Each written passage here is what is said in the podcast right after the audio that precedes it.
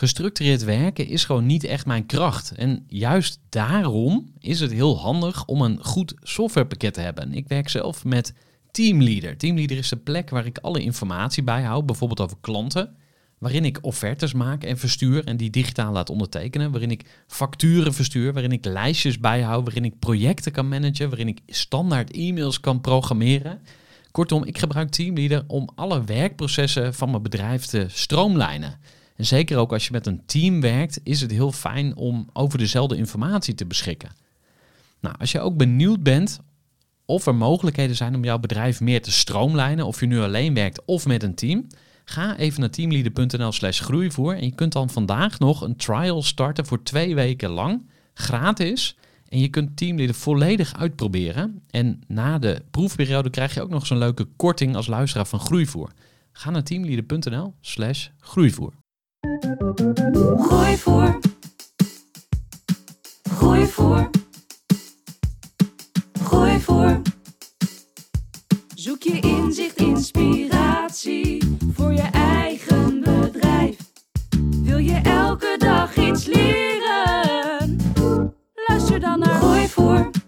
Welkom bij een nieuwe aflevering van de Groeivoer podcast. Deze week met Leen Zevenbergen. Ik zou hem omschrijven als een homo universalis. Iemand die heel veel verschillende dingen kan.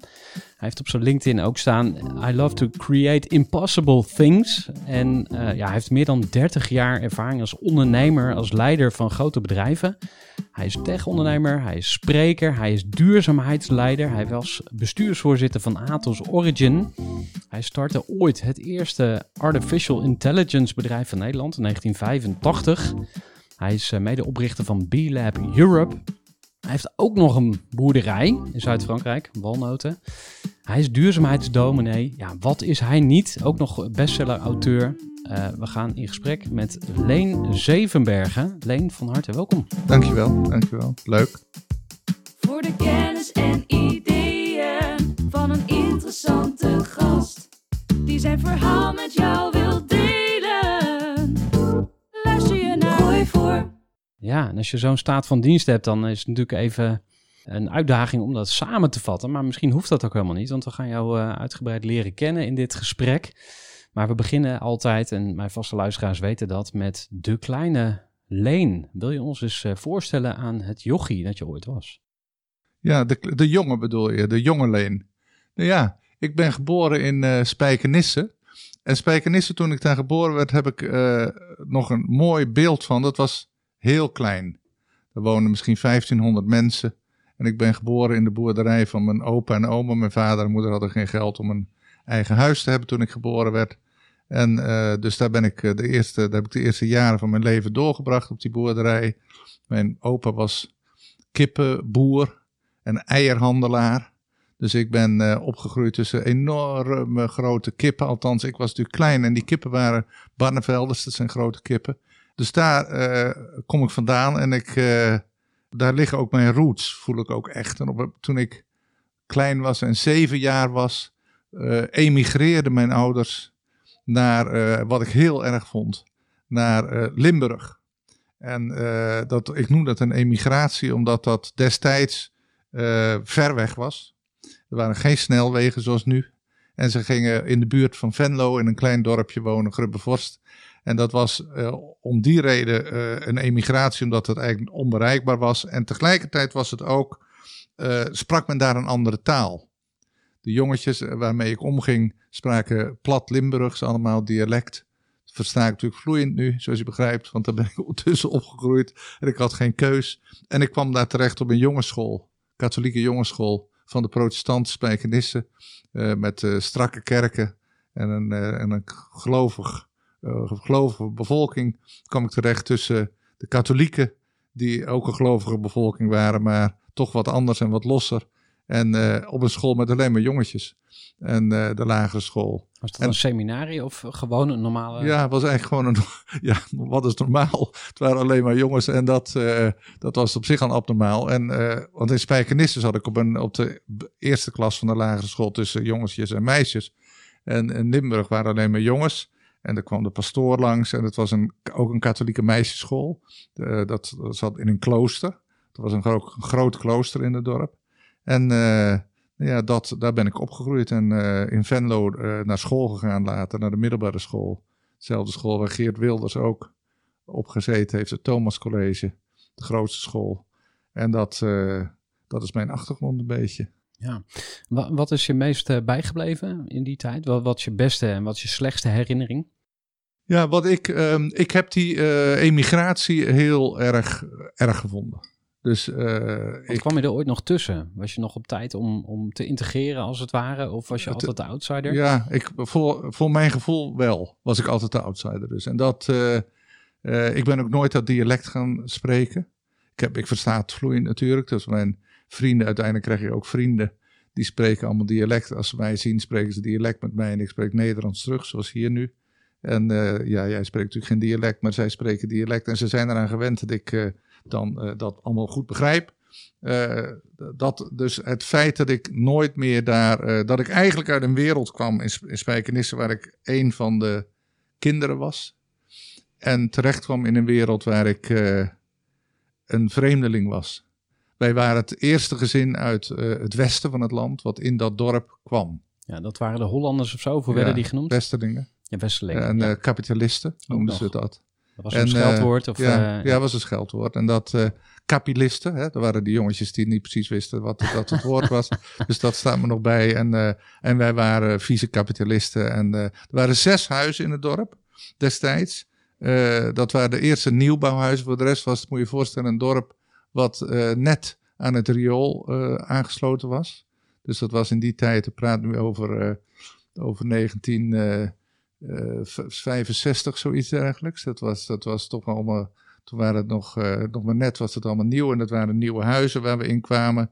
De eerste zes nieuwe huizen en er was één gezin uit het westen en dat is, uh, ja, dat, uh, dat vond ik naar. En waarom gingen jullie daarheen eigenlijk? We gingen daarheen omdat mijn vader, die ook eierhandelaar was, een fabriek had gebouwd op de, de destijds grootste veiling van Europa. Die werd toen ontwikkeld in Grubbevorst. En dat werd een logistiek centrum. Nu is Venlo is een van de grootste logistieke centra van Nederland. En, en dat was het begin daarvan.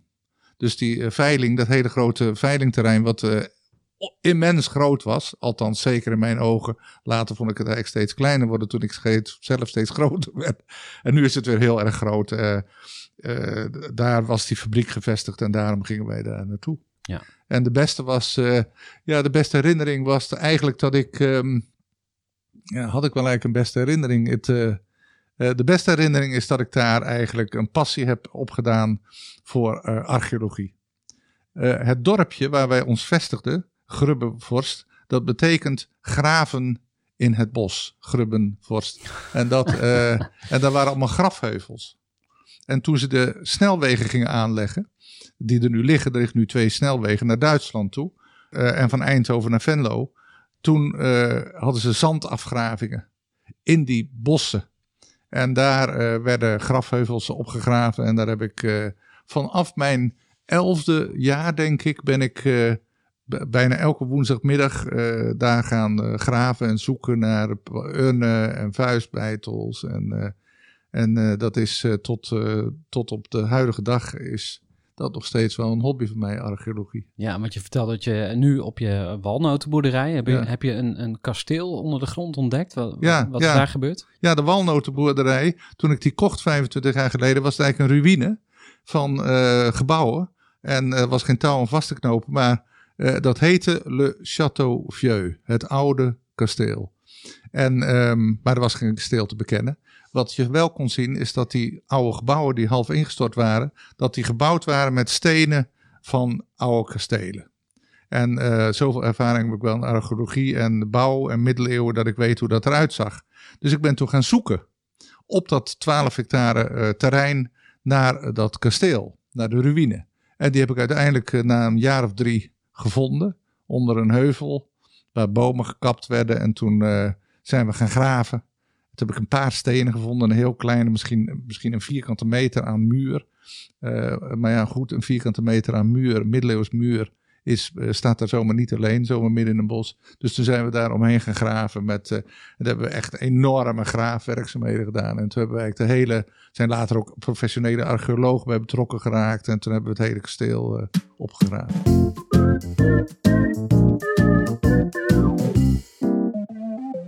Waar ik graag een vraag over wil stellen is de tijd dat je nog geen ondernemer was. Want je bent begonnen als accountant. Nou, kwam er al snel achter dat dat hem niet was.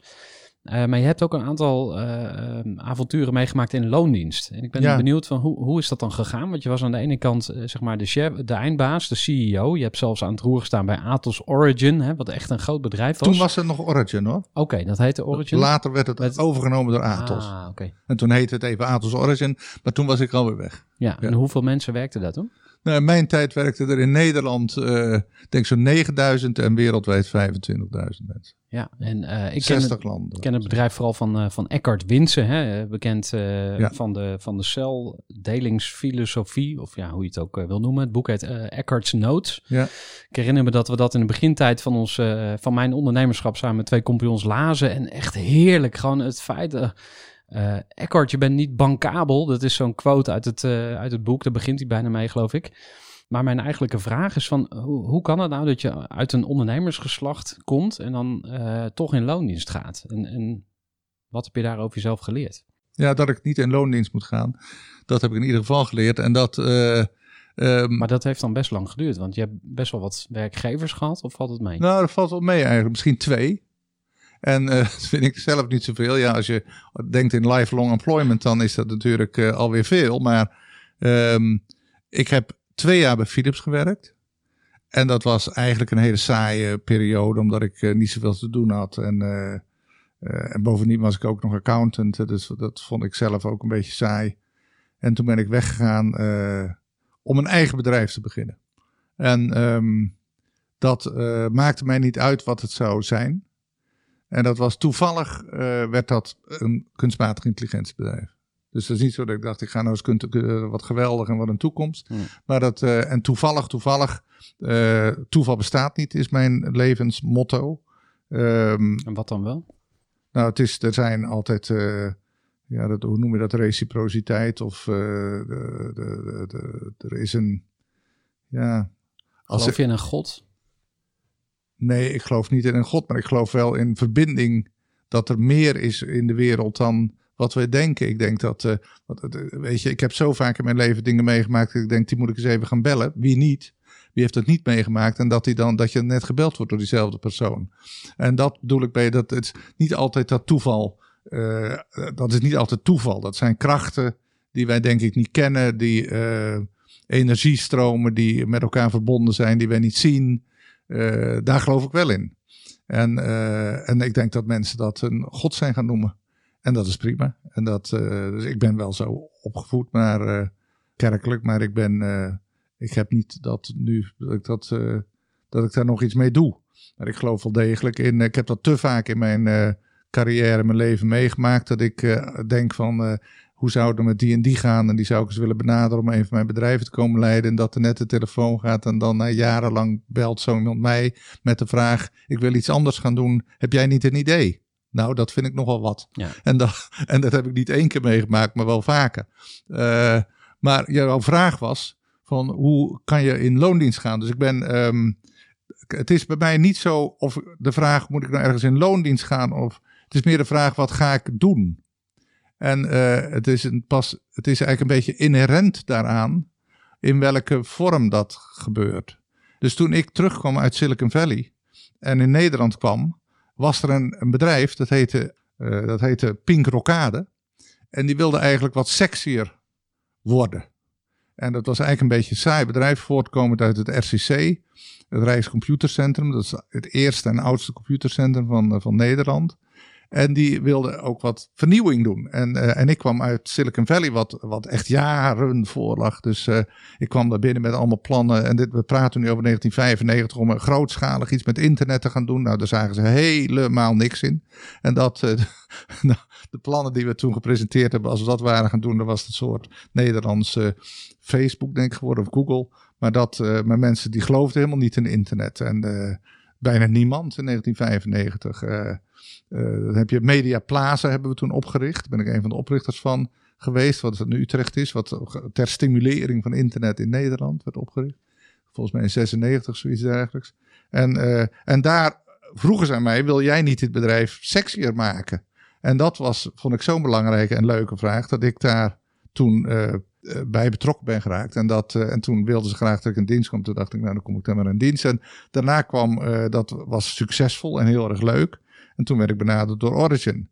En die, daar, dat was een onderdeel van Philips weer. Dus toen kwam ik Hmm. eigenlijk via een omweg weer terug bij Philips, waar ik ooit begonnen was.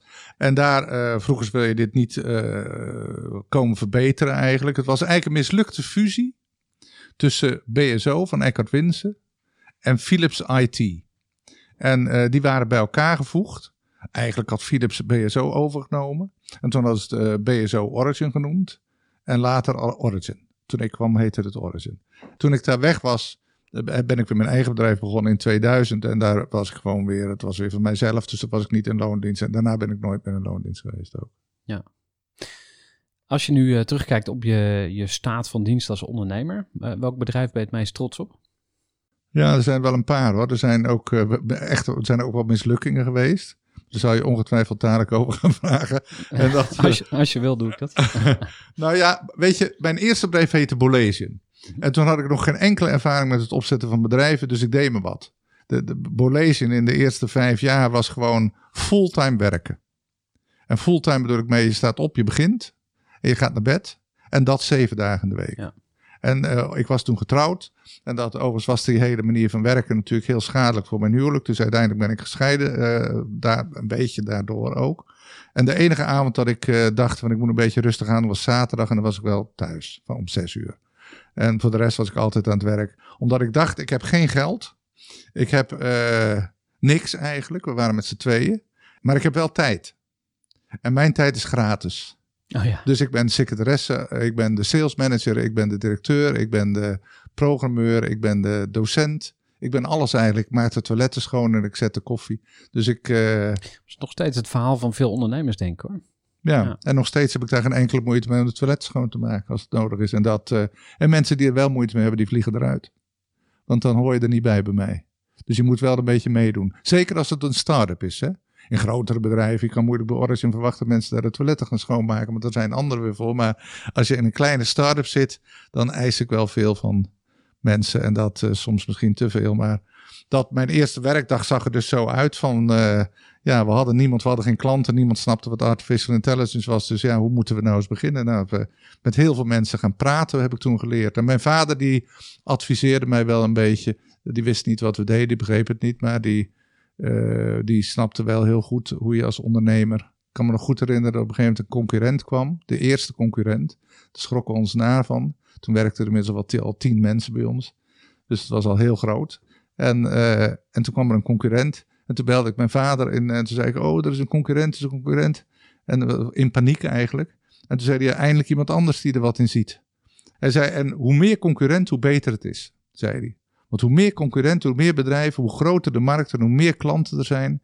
En dan moet je alleen maar zorgen dat je de beste bent. Oké, okay. dus op zich, het klinkt wel als denken in overvloed. Hè? Dus de taart wordt groter in plaats van uh, krijg een kleine stukje. Ik denk altijd in overvloed. Ja. Maak de taart groter.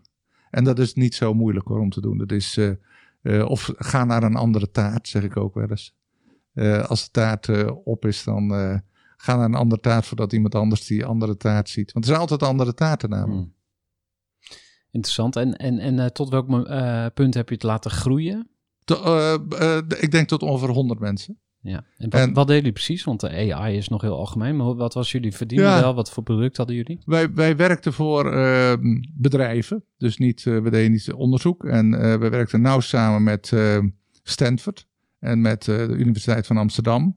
En wij bouwden kennissystemen, zoals dat heet. Menselijke kennis vastleggen in systemen. Zodat andere mensen daar hypotheek, hypotheekadviessystemen. Wat nu natuurlijk niet AI meer als AI gezien wordt. Maar planningssystemen. Dat soort dingen bouwden wij. Ja, 100 man. En toen? Toen uh, dacht ik, als we nou ons uh, liëren aan een groot concern, Capgemini, dat was toen nog net Volmak was, dan hebben we veel meer verkopers. Uh, en hebben we ook veel meer potentiële klanten. En eh, dus toen hebben we eh, gesprekken gevoerd. Eerst met Eckhart Winsovers en dat, eh, dat ging niet door met BSO. Ehm, omdat eh, mijn compagnon destijds niet met Eckhart kon opschieten. en dat Dat zo is nog wel een karakter die... die Ja, ja, ja, ik bedoel, ik, ik- heb hem natuurlijk niet gekend. Ja, maar- ik kon heel goed met hem opschieten. En daar hebben we later ook... eh, ja, toen ik natuurlijk bij Origin kwam, was hij een van de commissarissen daar. En, en ik kon heel goed met hem opschieten. Dus dat... ehm, maar dat ging niet door. Toen kwam Volmak. En de vergissing was, de fout die ik gemaakt heb... is dat de verkopers van Volmak... begrepen niet wat wij deden. En toen ze het begrepen... Wij konden namelijk ongeveer tien keer zo snel software ontwikkelen dan Volmak. Volmak eh, was eigenlijk een soort uitzendbureau voor eh, programmeurs. En dat klinkt een beetje onbeleefd, maar dat, kwam het eigenlijk wel op neer. Dus ze detacheerden mensen. En COBOL-programmeurs, dat is een beetje ouderwetse taal. En wij werkten meer object-oriented. Destijds was dat echt het neusje van de zalm, dat deed bijna niemand. En daardoor konden wij ongeveer, als wij systemen bouwden met de manier van werken, dat ongeveer tien keer zo snel dan, dan Capgemini. Dus ik dacht, god, dat, is, dat moet een enorme sales eh, pitch voor hun zijn. Maar het tegendeel was het geval. Want zij dachten van, ja, als ik nu 100 mensen kan inzetten bij een klant, dan kan ik met de technologie van Bolesian nog maar 10. Dus zij zagen het als een bedreiging. Ja. En eh, dus dat werd eigenlijk eh, niks. En toen kreeg ik bovendien daardoor ook een beetje ruzie met de toenmalige CEO van, eh van Capgemini. En toen ben ik, eh, want die zei, jullie moeten ook jullie Amerika, wat een Amerikaanse vestiging al bij Bolesian, die moeten jullie sluiten. Toen zei ik, waarom? Dat doet het toch goed? En toen zei hij, omdat ik het zeg. Nou, daar moet je bij mij niet mee aankomen. Hoe ziet de ruzie er bij jou uit? Even een korte onderbreking met een belangrijke vraag aan jou. Want wat heb jij geregeld voor het geval je van de ene op de andere dag zou komen uit te vallen? Wat gebeurt er dan met je bedrijf, maar vooral wat gebeurt er met jou persoonlijk en ook in financieel opzicht? Samen met ASR voerde ik drie openhartige gesprekken over tegenslag en veerkracht. En dat deed ik met Saskia, Vincent en Pieter. Ondernemers met een bloeiend bedrijf die van de ene op de andere dag niet meer konden werken. En die verhalen hoor je in aflevering 256, 257 en 258 van deze podcast. Als ondernemer wil je natuurlijk niet uitvallen. En daarom is het belangrijk dat je veerkrachtig bent, want voorkomen is beter dan genezen. En als het dan toch misgaat, is het fijn dat je iets geregeld hebt, zodat je weer snel door kunt met ondernemen. Wil je weten hoe veerkrachtig jij nu bent? Vul dan in twee minuten de veerkrachttest van ASR in. Ga naar asr.nl slash veerkrachttest ondernemers. Nou ja, als iemand tegen mij zegt wat ik moet doen eigenlijk, hoe een ruzie eruit ziet. Nou, ik kan wel behoorlijk eh, kwaad worden, maar eh, dan moet het wel echt hoog opspelen al. Ik ben niet zo heel snel dat ik heel kwaad word. Maar ik kan wel, eh, als uiteindelijk als het te ver gaat, dan kan ik wel kwaad worden, ja. En ik kan geïrriteerd worden als iets niet snel genoeg gaat. Ja. en hoe ziet dat er dan uit? Nou ja, dat, dat ik gewoon doe waar ik zin in heb, eigenlijk. En dat is eh, omdat ik denk, wat, wat ook niet altijd goed is. Dus ik, ik beschrijf nu de situatie, maar eh, ik, ik zie vaak dat dat dan ook natuurlijk niet slim is. Ook niet motiverend is voor de mensen om je heen. Maar als ik een bepaalde route wil bewandelen, zoals destijds bij Origin. eh, Ik kan me nog herinneren dat er ooit een medewerker tegen mij zei van Leen, wat we hier aan doen, het lijkt wel een secte. En het, het, het lijkt wel of het hier dictatoriaal wordt aangestuurd. Het ging namelijk toen ik kwam heel slecht met Origin. En zei ik, ja, het is, eh, dat heb je goed gezien. Het is ook dictatoriaal. En ik ben de dictator en als je niet zint, moet je maar gaan. En dat, zo ziet dat eruit. Ja, dat is natuurlijk niet oké eigenlijk als je praat in, in, in, in dienend leiderschap en dat soort zaken. Waar ik eigenlijk ook de meest, meest voorstander van ben. Dus het lijkt alsof ik altijd heel naar en vervelend. Maar ja, dat, eh, over het algemeen ben ik, ben ik veel meer van het dienende leiderschap en, en teams van mannen en vrouwen. En dat, eh, Maar vind je dat ondernemers eigenlijk eh, een beetje de scherpe randjes van hun karakter moeten afslijpen? Of is het eigenlijk juist Nee. wel goed om lekker... Ja, ik vind het altijd wel. eh, ja, als ik voor een zaal met eh, voor een publiek sta, dan, ja, dan ben ik altijd heel erg zwart-wit. Omdat het anders saai wordt, denk ik. En dat, dus mensen die, die lachen of die, of die worden woedend op je. En, eh, en in beide gevallen heb je hun aandacht te pakken. Dan is de missie geslaagd. eh. Ja, en dan is de missie geslaagd. Dus ik denk dat, eh, nee, ik denk dat, kijk, dat ondernemers die in een organisatie werken, wat vaak al heel ingewikkeld is, die eh, moeten die scherpe kantjes, dat is nou net waarom je ze erbij hebt. En dus als die scherpe kantjes eraf gaan, dan worden ze eigenlijk waardeloos. Ja. Want die mensen heb je al genoeg, denk ik, in je bedrijf. Ja, nee, daar, daarom, daarom vraag ik erop door. En ik kan me ook voorstellen dat je eh, in bepaalde situaties ander soort leiderschap nodig hebt. Hè? Dat is logisch. Hè? Churchill was natuurlijk eh, ook eh, de bekende wartime president. En toen Ja. de oorlog over was, meteen afge, afgevoerd. Misschien heel even terug naar Bolivien, 100 man. En toen verkocht. Ja, en toen groeide het wel door. En dat, maar, maar niet zo hard meer. En, dat, en toen ging, kwamen er een paar spin-offs. Die overigens heel succesvol waren, een aantal daarvan. En toen is het langzaam een beetje gaan verpieteren. Binnen die hele Capgemini eh, club. Eh, omdat Capgemini denk ik niet precies zag wat ze er nou mee konden. En eh, Is dat dan toch dan, als het ondernemerschap eruit is, dan flikkert het heleboel in, in elkaar of zo? Ja, Of- soms wel, ja, denk ik. Hmm. En dat, eh, of het wordt eng, of we moeten, je moet voldoen aan de normen en waarden, of de KPI's, zoals het dan ingewikkeld heet, van zo'n groot bedrijf. En je moet zoveel groei hebben, en je moet dit en je moet dat. Bij mij was het, was, je moest er helemaal niks. En dat, we wilden wel groeien, maar we hadden helemaal geen KPI's. En dat, eh, dus die hele groep van, eh, van eh, dat, dat zootje ongeregeld. Ja. Ja, dat zootje ongeregeld van Bodezing kwamen terecht in die spreadsheet ridders, om het zo maar te noemen, van, van Capgemini. En dat, dat werkte niet. Dus op een gegeven moment is dat langzaam verpieterd, verpieterd. En eh, jaren geleden zijn er een aantal mensen van het oude, dus een hele grote eh, groep van mensen die bij Bodezing gewerkt hebben, die in een soort alumni-programma zitten. En er zijn een aantal mensen hebben gezegd, we gaan weer opnieuw eh, dat leven inblazen. En daar ben ik bij betrokken als voorzitter van de commissarissen. En, dat, en eigenlijk wat we zien is dat de technologie die we in 1985 ontwikkelden, dat we menselijke kennis modelleerden, dat is nu de, een enorme onderscheidende edge eh, tussen de huistuin- en keuken-AI die we nu zien, machine learning en wat Bolesian kan. Dus Bolesian die heeft, eh, en dat kon destijds niet omdat er toen Bolesian begon geen big data was. En ook heel- geen hele krachtige computers. Mhm. Dus, dat, eh, dus er is een ontwikkeling gaande geweest. eh, waardoor Bolesian nu weer kan floreren eigenlijk. Want eh, heb ik het goed begrepen dat je het echt hebt teruggekocht? Of zou je het anders eh, formuleren? Nou, niet teruggekocht heb ik al een paar keer geprobeerd, maar daar vroegen ze belachelijke bedragen voor. En dat, eh, dus uiteindelijk heb ik, eh, toen het genoeg verpieterd was, weer eh, samen met twee ex-Bolesianen opnieuw opgebouwd. Ja, maar het bedrijf is nu van jou? Ja, voor, Met met, die- met, die andere Met mensen. die Ja, andere- ik vind ook altijd, dat, eh, dat was destijds ook al, een bedrijf is niet van één persoon. En dat, ehm, het is ook niet zo dat één persoon er nou voor zorgt dat het goed gaat. En dat, ik heb een hele beperkte rol in het huidige Bolezen. Ik ben slechts voorzitter van de commissarissen en ik, eh, af en toe eh, creëer ik een ingang of ik help eens mee met een businessplan. We gaan nu in Amerika wat dingen doen en daar help ik bij. Maar verder, voor de rest zijn de twee mannen met wie ik begonnen ben weer die ook bij Bolezing gewerkt hebben toen ze jong waren. Die zijn eh 10 tot 15 jaar jonger dan ik. En die, of, of nog jonger. En die, zijn, de, die hebben het grootste aandeel.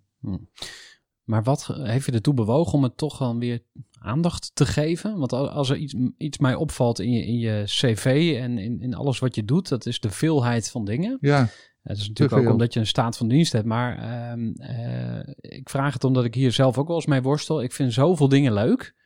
Ik denk dat eh, best wel wat luisteraars zijn die hetzelfde eh, creatieve brein hebben. Overal kansen zien, heel veel dingen tof vinden.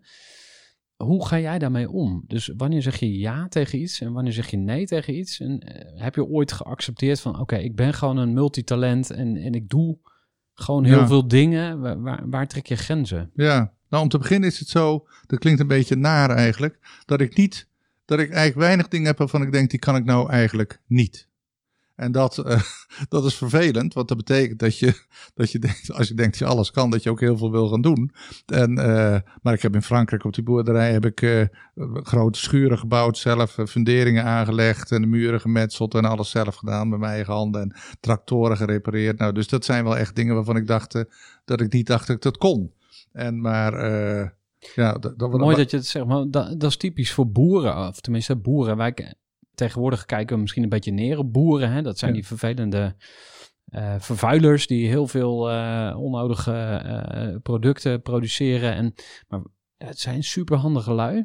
En, en zeker vroeger waren het ook echt, echt goede ondernemers af en toe. ja, nog Ehm, steeds hoor. Ja, En dat is, ik heb wel ontzag voor boeren. En ik, wat ik al zei, mijn vrouw komt uit een aannemersfamilie en dat zijn natuurlijk ook doeners. Dus Ja. ik heb een enorme, ik heb eigenlijk veel meer bewondering voor mensen die dingen doen en maken dan voor bijvoorbeeld accountants of eh, juristen. ja. Die zitten maar achter een bureau. Ja. En die eh, een beetje belangrijk te doen. Nee, terwijl ze eigenlijk... Kijk, om te beginnen zijn ze evenveel waard, maar ze worden veel meer betaald. Dus er is iets helemaal mis. En dat eh, in de samenleving, denk ik dan. De meeste mensen weten niet hoe voedsel gemaakt wordt. Dus boeren hebben een hele belangrijke rol in de samenleving. Dus dat... en ik ben ook boer in Frankrijk en dat heeft me ook heel wat moeite en jaren gekost. Het heeft echt wel 10, 15 jaar gekost voordat mijn omliggende boeren in Frankrijk mij als een volwaardig boer, omdat ze mij zo zagen ploeteren en vaak dingen verkeerd doen, maar hard werken op het land. eh, ja, op een gegeven moment komen ze je wel helpen. En, dat, eh, en dan ben je ook wel geaccepteerd. Nou, dat heeft wel heel lang geduurd. eh, maar we, kwamen erop omdat jij zei zoveel dingen. Ja, En wanneer, bij mij stopt het als ik op een gegeven moment denk, ja, ik word hier, ik kan het niet meer aan, de emmer is vol. En eh, zolang de emmer niet vol is, eh, ben ik heel snel, eh, raak ik enthousiast. Ik, eh, merk dat jij dit ook hebt, dat hebben ondernemers denk ik in zijn algemeenheid van dingen die ik leuk vind. En, maar ik probeer nu wel een beperking aan te leggen, de afgelopen 10, 15 jaar al, is dat ik als iets niet bijdraagt aan een betere wereld, dan doe ik het niet. Sowieso niet. Daar heb ik geen belangstelling voor. Dus als iemand tegen me zegt, ik heb een bedrijf en ik, kan, eh, ik verkoop suikerklontjes, wat op zich al natuurlijk een heel slecht voorbeeld is, dan, eh, want dat is sowieso een bedrijf waar ik niet mee betrokken wil zijn, dan, eh, en ik wil meer omzet maken of ik, ik heb een bedrijf, of ik wil rijk worden, wil je me helpen. Kijk, mensen die bedrijf beginnen om rijk te worden, die vallen bij mij sowieso af. Want ik vind dat geen reden om een bedrijf te beginnen. Als je succesvol bent en je wordt rijk, dan vind ik het prima. En dan heb je het goed gedaan. Maar als mensen zeggen van ik eh, wil alleen maar rijk worden en daarom ga ik van alles doen, dat, eh, daar ben ik eh, erg huiverig voor. Dus ik, ik zoek altijd en ik word vaak benaderd met ideeën ik loop tegen allerlei dingen aan. Ik zoek naar de, de why altijd en, en die why moet mij, voor mij nuttig zijn. Snap je? Er moet de wereld iets mee opschieten. En, en dan doe ik het. En, op dit moment zit ik te vol. Ik doe nu te veel eigenlijk. En eh, wat zou je dan willen zeggen eh, tegen mensen die juist oproepen om maar één ding te doen? Want ik heb, ik heb verschillende eh, coaches en mentoren om me heen waar ik af en toe mee spar. En er is er eentje die roept altijd, Gerard, laser focus. Ja, Kies één doelgroep. Nou, ik heb bijvoorbeeld de Groeiclub voor Ondernemers. Ja. Dat is mijn eh, ehm, ja, soort mastermind intervisiegroep voor ondernemers. En ik vind het juist leuk dat daar allerlei soorten ondernemers in zitten. Dus jonge ondernemers, ervaren ondernemers, misschien ook wel investeerders. Eigenlijk juist de, de, diversiteit maakt het voor mij aantrekkelijk. Maar als ik die eh, coach moet volgen, dan, dan zou ik maar één doelgroep moeten hebben. Hè? Dus helemaal in een, in een hokje ingedeeld. Wat is waar?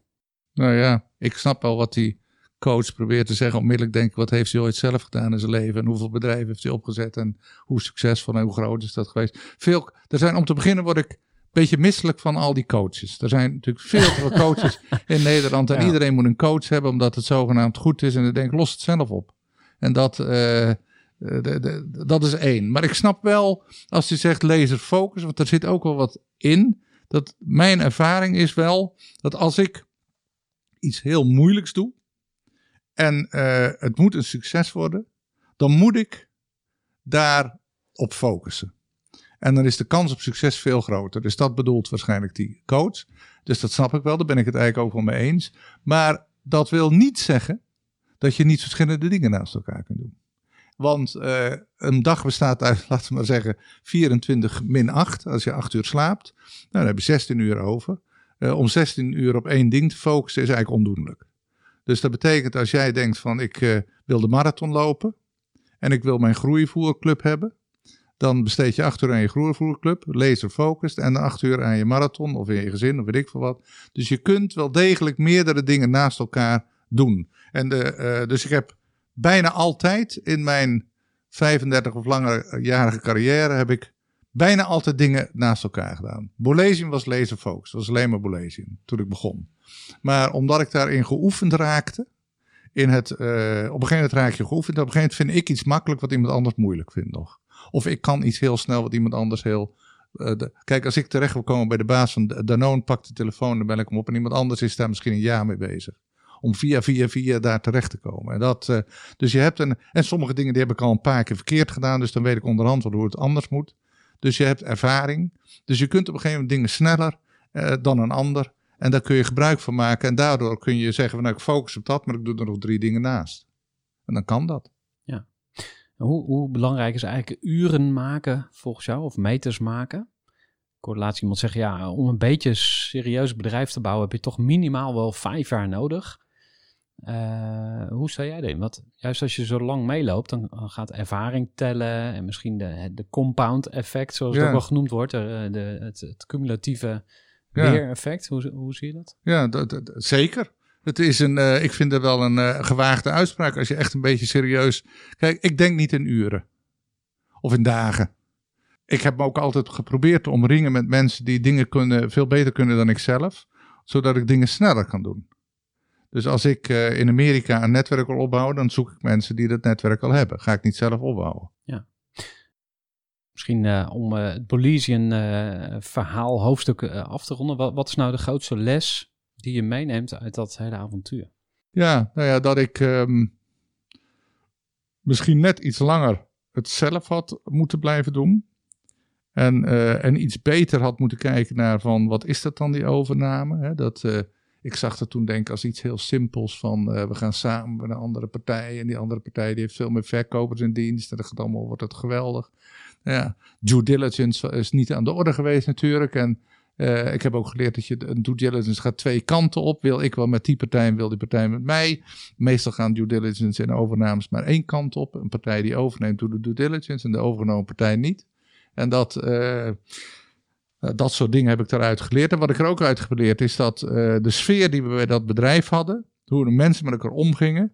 Als vrienden. En we zaten natuurlijk in het verre Helmond. Daar werd het bedrijf opgericht. Er was eigenlijk niemand verder in Helmond. Er waren ook niet zo echt bedrijven. Dus die mensen kwamen allemaal uit het westen naar Helmond toe. Dus we waren ook op elkaar aangewezen. Het was een enorme vriendenclub.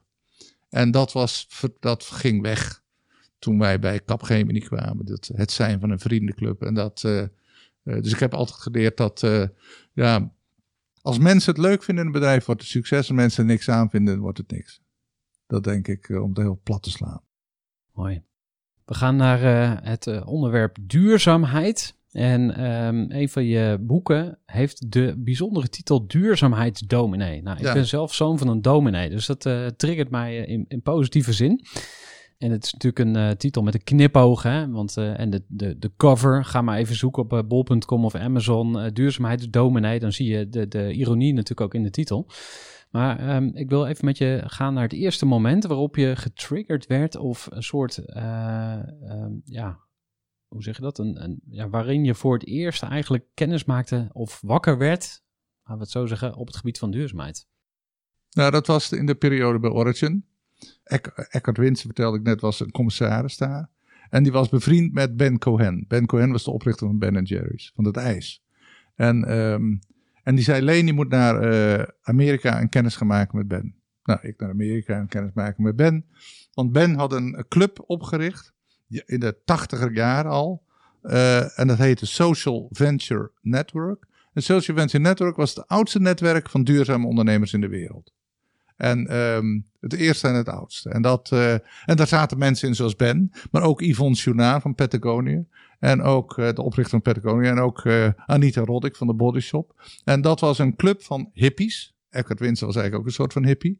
En die zaten daar allemaal bij elkaar. En die hadden enorme lol. En die feesten tot diep in de nacht. Zes uur 's ochtends dan. Met live bands en veel drank. En, eh, en eh, stickies roken en uh, hash. En dat, dat was daar allemaal gewoon geweldig. En dat, dus dat was één grote. Maar daar heb ik een paar dingen geleerd. Punt één. Groei is niet belangrijk en het gaat niet om winst. Je moet wel winst maken, maar het gaat erom wat is jouw bijdrage aan de wereld. Dat heb ik daar geleerd. Het is veel bevredigender en veel leuker. Heb ik ook geleerd dat hippies slimmer zijn dan dat ze er soms uitzien. Sterker nog, ik denk dat hippies slimmer zijn dan eh, niet-hippies. En dat eh, zeker in die tijd bij die mensen. Want die dachten echt op een hele fundamentele manier na over de wereld. En dachten ook over hoe wat is eerlijk. Dat waren alles wat nu op het gebied van duurzaamheid naar voren langzamerhand komt. Was toen daar allemaal al lang gesneden koek. Praten we wel over 25 tot 35 jaar geleden. En dat, eh, maar dat waren, waren maar heel weinig mensen. Dus dat. En toen is voor mij, want ik kwam daar natuurlijk als econoom. Die was opgeleid op de Erasmus Universiteit. In de tachtiger jaren was ik afgestudeerd overigens, in de zeventiger jaren. En daar ging het gewoon over groei. groei. En groei en winst. En, dat, eh, en de aandeelhouders. Dus dat was, eh, zo zijn we opgevoed. Was ik opgevoed op de Erasmus Universiteit. En zo worden helaas op heel veel eh business scholen en business universiteiten mensen nog steeds afgeleverd. Met dat hele beperkte wereldbeeld. En, dat, eh, en ik zag daar dat dat anders kon en eh, ook anders moest. En dat heeft mijn leven eigenlijk wel in ja, 1997 eh, fundamenteel veranderd. Ja. Want eh, je hebt mede het, moet ik het even goed zeggen, het eh, B-Lab Europe opgericht. Ik, Ja. ik heb het maar even B-Lab Europe genoemd. Eh, Dus dat is ook een goede naam. Ja, eh, oorspronkelijk in, in, in de VS begonnen. Jullie zijn de, de Europe chapter begonnen of Ja, zo? Of hoe, hoe ja. ging dat? Ja, nou ja, het is, eh, ik had het net over Social Venture Network. Uit, dat waren ondernemers, mensen. Mensen zoals jij en ik, die een eigen bedrijf hadden, die waren daar en die dachten met elkaar en die inspireerden elkaar. Dat waren geen bedrijven. Ze hadden wel bedrijven, maar het waren niet, was niet een club van bedrijven, het was een club van mensen. Overigens schiet je daar veel meer mee op dan een club van bedrijven, denk ik altijd. En uit die club kwam voort een verzet, in eerste instantie in Amerika, tegen wat ze noemden shareholder primacy. Shareholder primacy is dat alles gaat om de aandeelhouders. Nou, in Amerika is het zo dat het statutair is vastgelegd dat de enige reden waarom een bedrijf er is, is om de aandeelhouders te bedienen. En dat is eh, in Europa wat genuanceerder. Daar hebben we meer het Rijnlandse model, dat we over stakeholders praten. En daar hebben we het over. Nou, daar ging, kwam verzet tegen dat dat eigenlijk niet goed kon zijn. En ehm, daar werd een fenomeen ontwikkeld, dat heette een B Corp. En een B Corp heeft in 40 Amerikaanse staten, van de 50 of 51, 50 dacht ik, eh, is, heeft zelfs een juridische status. Dat je een B Corp kunt zijn en eh, een Benefit Corporation. En dat zijn bedrijven die denken aan hun stakeholders. Wat, is, wat schiet de wereld ermee op? Wat is, eh, wat is de impact die ze hebben op de wereld? eh, holistisch, dus niet alleen op CO2. Want dat is natuurlijk ook veel te beperkte visie op duurzaamheid. Maar ook op hoe ga je met je mensen om? Wat zijn de producten die je aan je consumenten aanbiedt? Zijn die wel gezond of ongezond? Maak je wapens of sigaretten? Dat is natuurlijk allemaal uh, not done. En eh, nou, dat eh, fenomeen werd in 2006 op bedacht en opgericht. En in 2013 hebben wij, eh, Marcello en ik, eh, dat eh, ingevoerd in Europa. En dat, in het begin was het heel erg ingewikkeld om uit te leggen. Maar ja, tegenwoordig, ik denk dat je elke dag inmiddels, als je de kranten een beetje bijhoudt, zie je advertenties van B Corps. En dat groeit. er zijn 4000 B Corps in de wereld in de wacht nu, die B Corp willen worden. Worden steeds grotere bedrijven. En, en het zijn allemaal onwaarschijnlijk leuke ondernemers. En pas vroeg iemand aan mij van een groot eh, winkelconcern. Die zei van, eh, Leen, zeg eens in één zin waarom wij ook een B moeten worden. En ja, in één zin is altijd moeilijk. Dus, eh, maar ik probeerde het en ik zei, jij moet een B worden. Want dat, de mensen die B zijn, die ondernemers joh. Dat zijn echt de allerleukste mensen om mee om te gaan. En toen zeiden ja, dat argument heb ik nog nooit gehoord. Om duurzaam te worden. Maar het is het enige argument wat me aanspreekt, zei hij. Dus we gaan dit ook doen. En dat, eh, want het is natuurlijk ook zo, als jij met mensen omgaat, moet je je voorstellen dat je, en er zijn er veel hoor, die bedrijven leiden, die daar alleen maar functioneel in zitten. Die alleen maar denken, ik heb hier een mandaat. Wat een gelul, denk ik altijd. Ik heb, je moet gewoon een leuk bedrijf maken. Wat is het mandaat? En ik moet hier, eh, ik moet groeien en ik moet winst maken. En dan zich op de borst slaan als ze het heel goed hebben gedaan. Dan denk ik, wat een, wat een armoedige beperkte visie van hoe wat een bedrijf is eigenlijk. Het is, een, het is gewoon een organisch onderdeel van de maatschappij waar mensen die, die- Je kan ook niet scheiden tussen werk en privé, denk ik altijd. Mensen die. Wat, wat is dat? Ben je dan thuis leuk en op je werk niet of omgekeerd? Dat, ik snap dat nooit zo goed dat mensen zo denken, maar dat wordt ingegeven door die dit starre bedrijven en, die, en waar het geen lol is. Toen we bij Origin, om daar weer even terug te gaan, toen ik er kwam was er geen lol. was geen lol. En ik zal, nooit vergeten dat de allereerste ontmoeting die ik had met alle directeuren van Origin, die zaten allemaal in een zaal en ik werd voorgesteld door Jan Homme, die was toen president-commissaris. En eh, hij zei, dit is Leen. En Leen, zeg eens wat. Dus ik moest voor die groep. Dus ik zei, als ik zo naar jullie kijk, dan denk ik, wat een, wat, wat een zijn jullie eigenlijk hier. Want ik wist niet wat ik anders moest zeggen. Het was zo, zo vervelend, zo negatief, zo ingekakt. Niemand had er meer zin in. En toen dacht ik, ja, het is eigenlijk het enige wat we hier moeten gaan doen is een beetje feesten. Een beetje leuk doen. En toen, eh, Nou, dat was een hele succesvolle eh, eh, lezing die ik daar gaf van een half uur. En ik ging later naast Jan zitten. En Jan die zei van, Leen, het is wel een, go- een goed verhaal, goed verhaal, zei hij. Vond wel, hij zei, maar niet, niet te veel nadruk op die fun moet je leggen, zei hij. Want? Ja, het kost alleen maar geld. Hmm. En dat, hij, hij, hij zag misschien voor zich een ander beeld van fun. Wat ik bedoelde natuurlijk is dat mensen zin hebben 's ochtends. Dus ze denken, goh, ik ga eh, lekker, lekker naar Origin. En dat, eh, of ik ga voor klanten iets eh, leuks doen, fijn. Snap je, die energie Ja. in plaats van, gadverdamme, moet ik weer naar de bedrijven. En dan moet ik weer mijn timesheets gaan invullen. En moet ik weer, weet ik veel, snap je, dan moet ik weer dit, moet ik weer dat. Dat was de sfeer. Ja. En, en ik denk als je een sfeer bouwt, dat was bij Bolazing zo, dat was bij Origin zo. Dat was bij Made in Scotland, wat een, een golfbedrijf is, met de Dutch. Dat, in het begin was het zo. Ja, dat mensen gewoon zeggen, we, we zitten hier met de passie voor wat we hier aan het doen zijn. En welke rol speelt eh, leiderschap dan? Want eh, ik, zit, ik hink een beetje op twee gedachten. Eh, we hebben het over Ben Cohen, hè? dus het is heel makkelijk om zo iemand als soort mythische figuur neer te zetten. Dus om allerlei eigenschappen aan zo iemand toe te kennen. Dat die persoon eigenlijk een soort posterboy wordt voor een bepaalde beweging. Terwijl je af kunt vragen van ja, is, is die persoon nou echt de aanjager van die beweging? Of, of krijgt hij dat opgespeld? Als je snapt wat ik Ja. bedoel. Ja, Dus nou, ja, beide kan natuurlijk. Maar ik denk wel dat het de aanjager eh, moet zijn, of kan zijn, of zo vaak is. Ehm, een, als je een organisatie hebt die geleid wordt door een heel eh, ja, mechanische eh, leider, om het zo maar te zeggen. Eh, vaak worden organisaties helemaal niet geleid door leiders, maar door managers. technocraten of... Ja, die dan eh, die eh, daar een baan hebben en die dan. ja, dat is.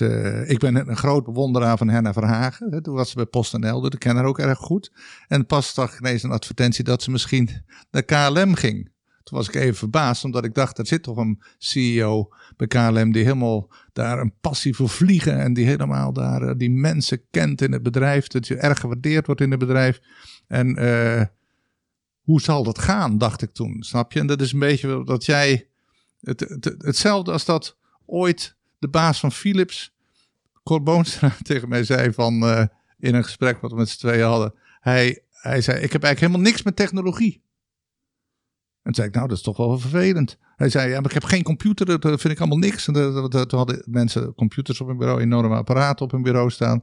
En toen zei, hij, waarom is dat vervelend? Ik zei, nee, jij bent de CEO van een technologiebedrijf. Dus als jij niks met technologie, daar geen passie, daar niks bij voelt, dan zul je er ook nooit wat over lezen. Dan zul je er niet in verdiepen, dan zul je geen eigen visie. Nee, daar had hij McKinsey voor. Dat, dat vind ik altijd hele sneuwe leiders, die McKinsey nodig hebben om een visie te ontwikkelen. En dan denk ik, heb je kom op man, ga ergens anders werken. Als je niet je eigen visie kunt ontwikkelen. Want als je geen eigen visie hebt, dan straal je die ook niet uit. Hè? En als je geen eigen visie, en dan kun je er ook niet, kun je ook je medewerkers niet mee, mee inspireren. Dus dat, eh, en dus ik, mijn leerschool, mijn ervaring is dat als jij je klanten, je medewerkers, je investeerders wil inspireren, dan kan dat alleen maar als je over iets praat waardoor je zelf geïnspireerd wordt. En, en niet een, gewoon een verhaal gaat staan vertellen van wat, je, eh, wat eh, McKinsey voor je heeft geschreven. Eh, dat, kan ook, maar dan krijg je andere investeerders die op grote afstand staan. Maar dat, dus ik denk dat een leider die mensen meeneemt, dat dat, dat, dat wel vaak de Ben Cohen is. En, dat, en die hebben dan vaak ook wel weer behoefte aan managers die dat dan gaan organiseren. Wat is de eerste stap als een bedrijf B Corp wil worden? Of als een luisteraar nu denkt van, ah, moet ik daar iets mee? Eh, wat, wat zou je aanraden? Ja, nou, eh, bedrijven hoeven wat mij betreft geen B Corp te worden als ze maar zich gedragen als een B Corp. Omdat uiteindelijk denk ik, eh, hoop ik, dat over als we 10, 15 jaar of 20 jaar verder zijn, dat, dat het normaal gedrag is voor een bedrijf om na te denken over wat voor een effect ze hebben op de maatschappij. En of dat nou een effect is op mensen of op klanten of op eh, supply chains of op eh, grondstoffen, op eh, producten die aan klanten afleveren. Ja, hoe ze hun governance inrichten, of er een eerlijke verdeling is van kapitaal en salarissen, of er een eerlijke verdeling is tussen mannen en vrouwen, dat soort van dingen allemaal. Dat dat normaal gevonden wordt. Het is natuurlijk nu bij de meeste bedrijven, ja, die roepen wel dat het normaal is, maar het is natuurlijk eigenlijk helemaal niet normaal. Ja, wat moet je doen? Ik zou zeggen, want het kost niks. En eh, ga naar www. eh, B Corporation en dan ga je, daar staat een eh, impact tool op. En dan kun je, die door 160.000 bedrijven in de wereld gebruikt. Het heet de BIA, Benefit Impact Assessment. Dat is de meest gebruikte Impact Assessment tool in de wereld. Kun je gewoon downloaden en gaan doen. En dat geeft om te beginnen al een heel veel inzicht in hoe jouw eigen organisatie zich verhoudt tot anderen. Eh, op het gebied van eh, impact en duurzaamheid. En als je dan uiteindelijk wil, want van die 160.000 bedrijven die er gebruik van maken in de wereld, zijn er eigenlijk maar een paar duizend die B Corp worden. En dat is, eh, ja, dat is een community van, zoals Paul Polman van Unilever ooit zei, de Champions League van duurzaamheid. Ja, daar moet je bij willen horen. Niet iedereen wil dat, snap je? Maar er zijn bedrijven die willen voorop lopen. En zo zoals Auping, die willen voorop lopen. En Tonis. En die, nou, dat zijn, het zijn eigenlijk de vooroplopers, de changemakers. En Ja. dat zijn de ultieme changemakers, durf ik wel te zeggen. Want het is heel moeilijk om een B Corp te worden. Ja, precies. Want jij zei het is gratis, maar om echt het certificaat binnen te slepen. Ik geloof Ja. dat je een puntensysteem hebt. Hè? Dan kun je Ja, een en aantal dan word je punten ge- ja. certificeren.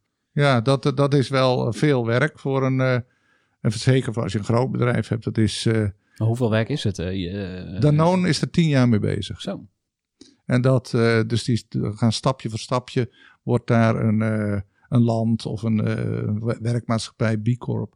En dat hele traject hebben ze ooit gepland. En dat, ik denk dat het ongeveer tien jaar duurt voordat het bedrijf zich verandert. En, maar het gaat om wat je daadwerkelijk doet. Hoe, ga, hoe gaat je management hiermee om? Dan, die ga je opnieuw trainen. En er zitten enorme trainingstrajecten. Bij dat soort grote bedrijven is het veel werk. Maar uiteindelijk denk ik dat ook consumenten daar, dat zie je nu al langzaam gebeuren, erop gaan letten.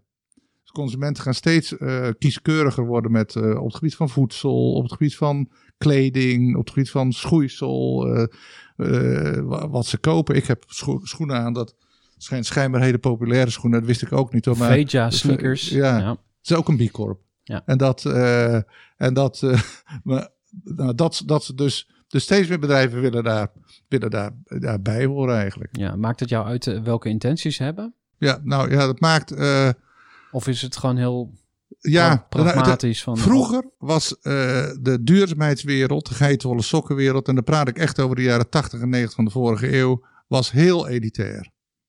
En daar mocht je bij horen of niet. En als je winst maakte, was het vies. En dan mocht je er niet bij. Hmm. Dat is later in dat social venture network, dat waren al ondernemers eh, die winst maakten. Maar als je bij Eckhart Winsen aankwam over winst, dan zei hij ook, eh, ja, minder kan ook. Als het maar winst is. Maar minder kan ook. Dus de drijfveer, die wordt, het wordt steeds meer geaccepteerd door bedrijven. Ehm, kijk, echte greenwashing, daar heb ik wel moeite mee.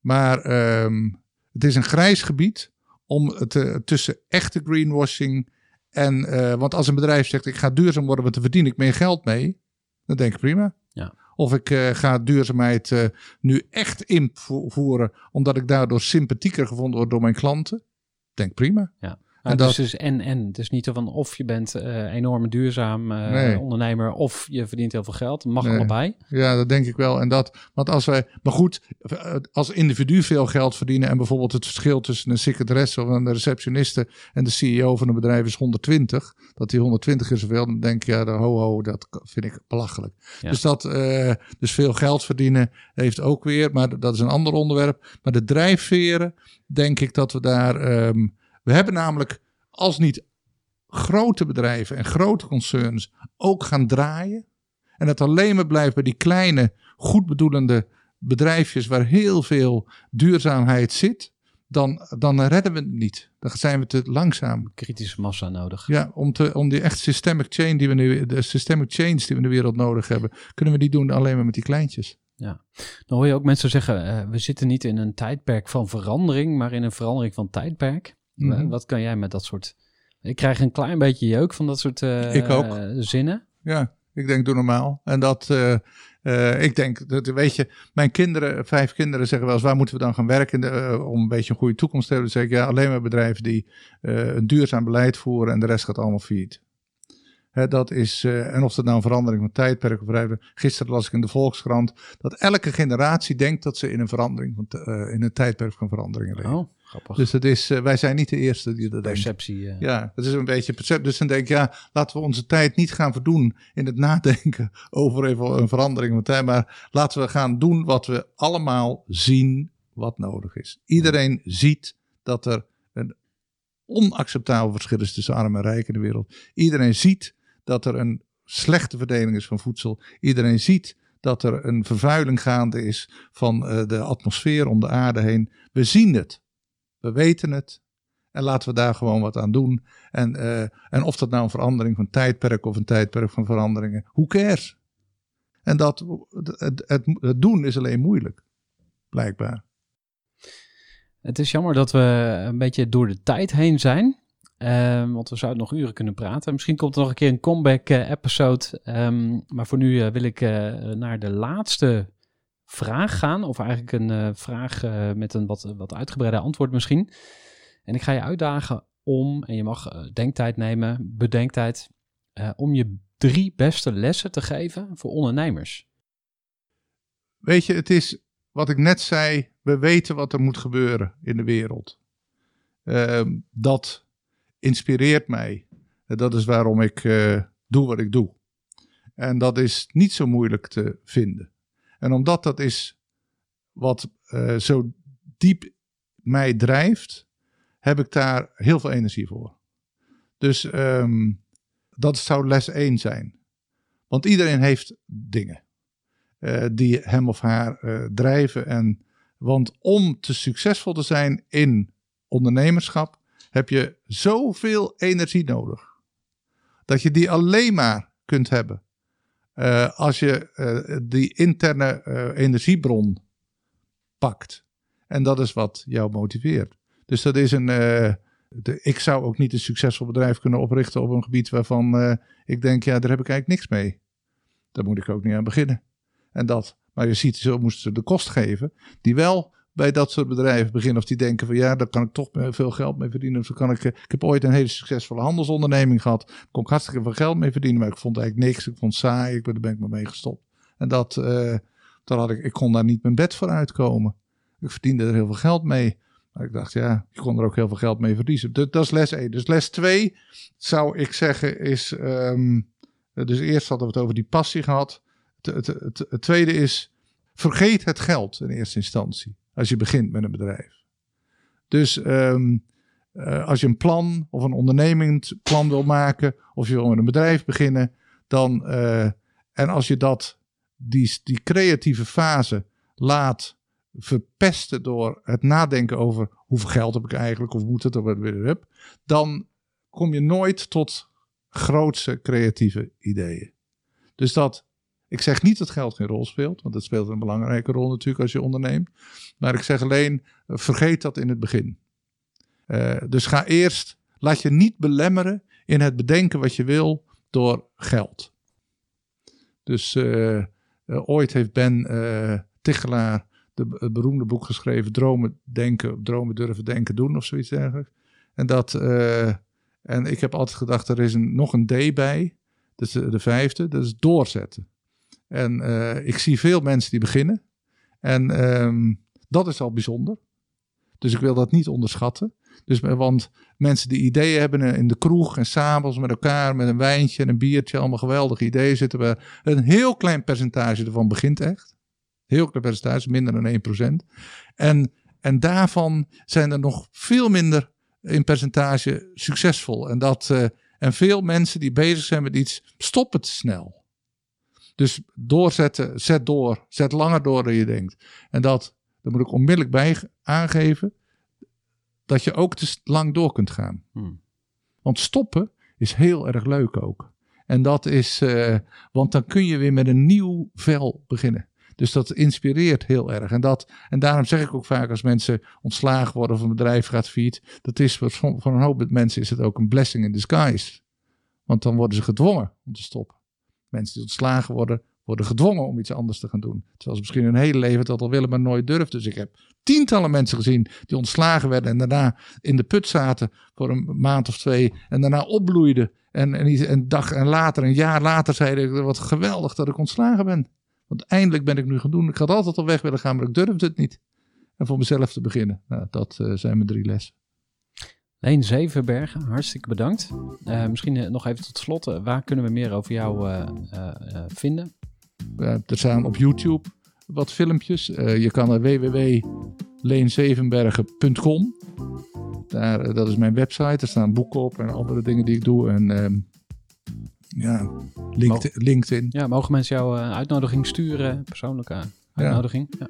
ja. dan kan ik wel kijken wat we daar... Of we wel dat, uh, accepteren dat, of niet. Of de tijd, de tijd Heel goed. Hartstikke bedankt, Leen. Graag gedaan. Ja, tot zover deze aflevering van de Groeivoer podcast. Ik hoop dat je er weer veel inspiratie uit gehaald hebt. En ik wil je heel erg bedanken voor het luisteren.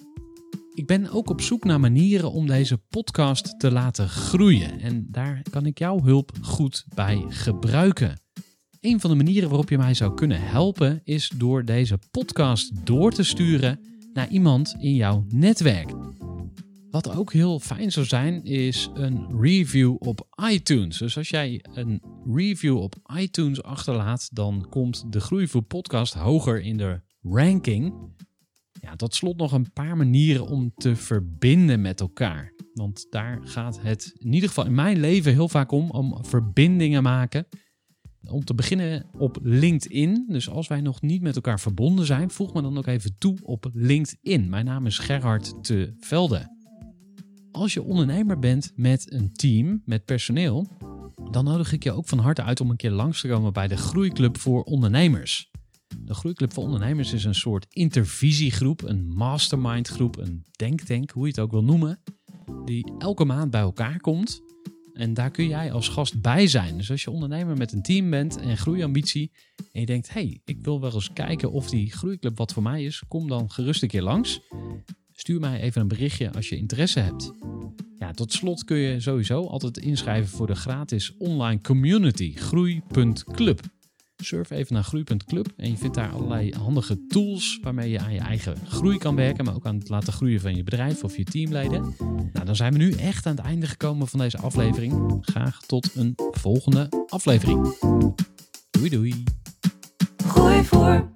Gestructureerd werken is gewoon niet echt mijn kracht. En juist daarom is het heel handig om een goed softwarepakket te hebben. Ik werk zelf met Teamleader. Teamleader is de plek waar ik alle informatie bijhoud, bijvoorbeeld over klanten. Waarin ik offertes maak en verstuur en die digitaal laat ondertekenen. Waarin ik facturen verstuur, waarin ik lijstjes bijhoud, waarin ik projecten kan managen, waarin ik standaard e-mails kan programmeren. Kortom, ik gebruik Teamleader om alle werkprocessen van mijn bedrijf te stroomlijnen. En zeker ook als je met een team werkt, is het heel fijn om over dezelfde informatie te beschikken.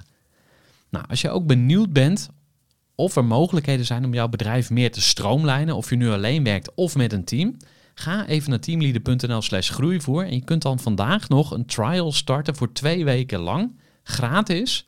En je kunt Teamleader volledig uitproberen. En na de proefperiode krijg je ook nog zo'n leuke korting als luisteraar van Groeivoer. Ga naar teamleader.nl slash groeivoer.